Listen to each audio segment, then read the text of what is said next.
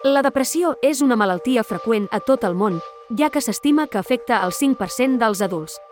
És a dir, un de cada 20 pateix de depressió. A escala mundial, aproximadament 400 milions de persones tenen depressió.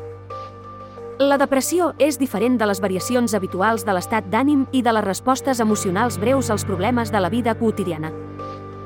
Es pot convertir en un problema de salut seriós, especialment quan és recurrent i d'intensitat moderada a greu.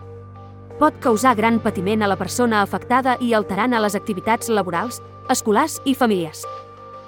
En el pitjor dels casos, pot portar al suïcidi. Cada any se suïciden més de 700.000 persones. Tot i que hi ha tractaments coneguts i eficaços contra els trastorns mentals, més del 75% de les persones afectades als països d'ingressos baixos i mitjans no rep cap tractament. Però és que, fins i tot als països amb ingressos alts, les persones que experimenten depressió sovint no són correctament diagnosticades. Mentre que altres que en realitat no pateixen el trastorn, sovint són diagnosticades erròniament i tractades amb antidepressius. Espero que aquesta informació et faci més cautelós quan tinguis a prop algú amb problemes d'ànim.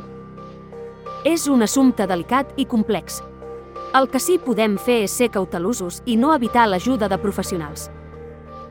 He pres aquesta anàlisi d'un article de premsa de l'Organització Mundial de la Salut, basat en dades del 2015 al 2019.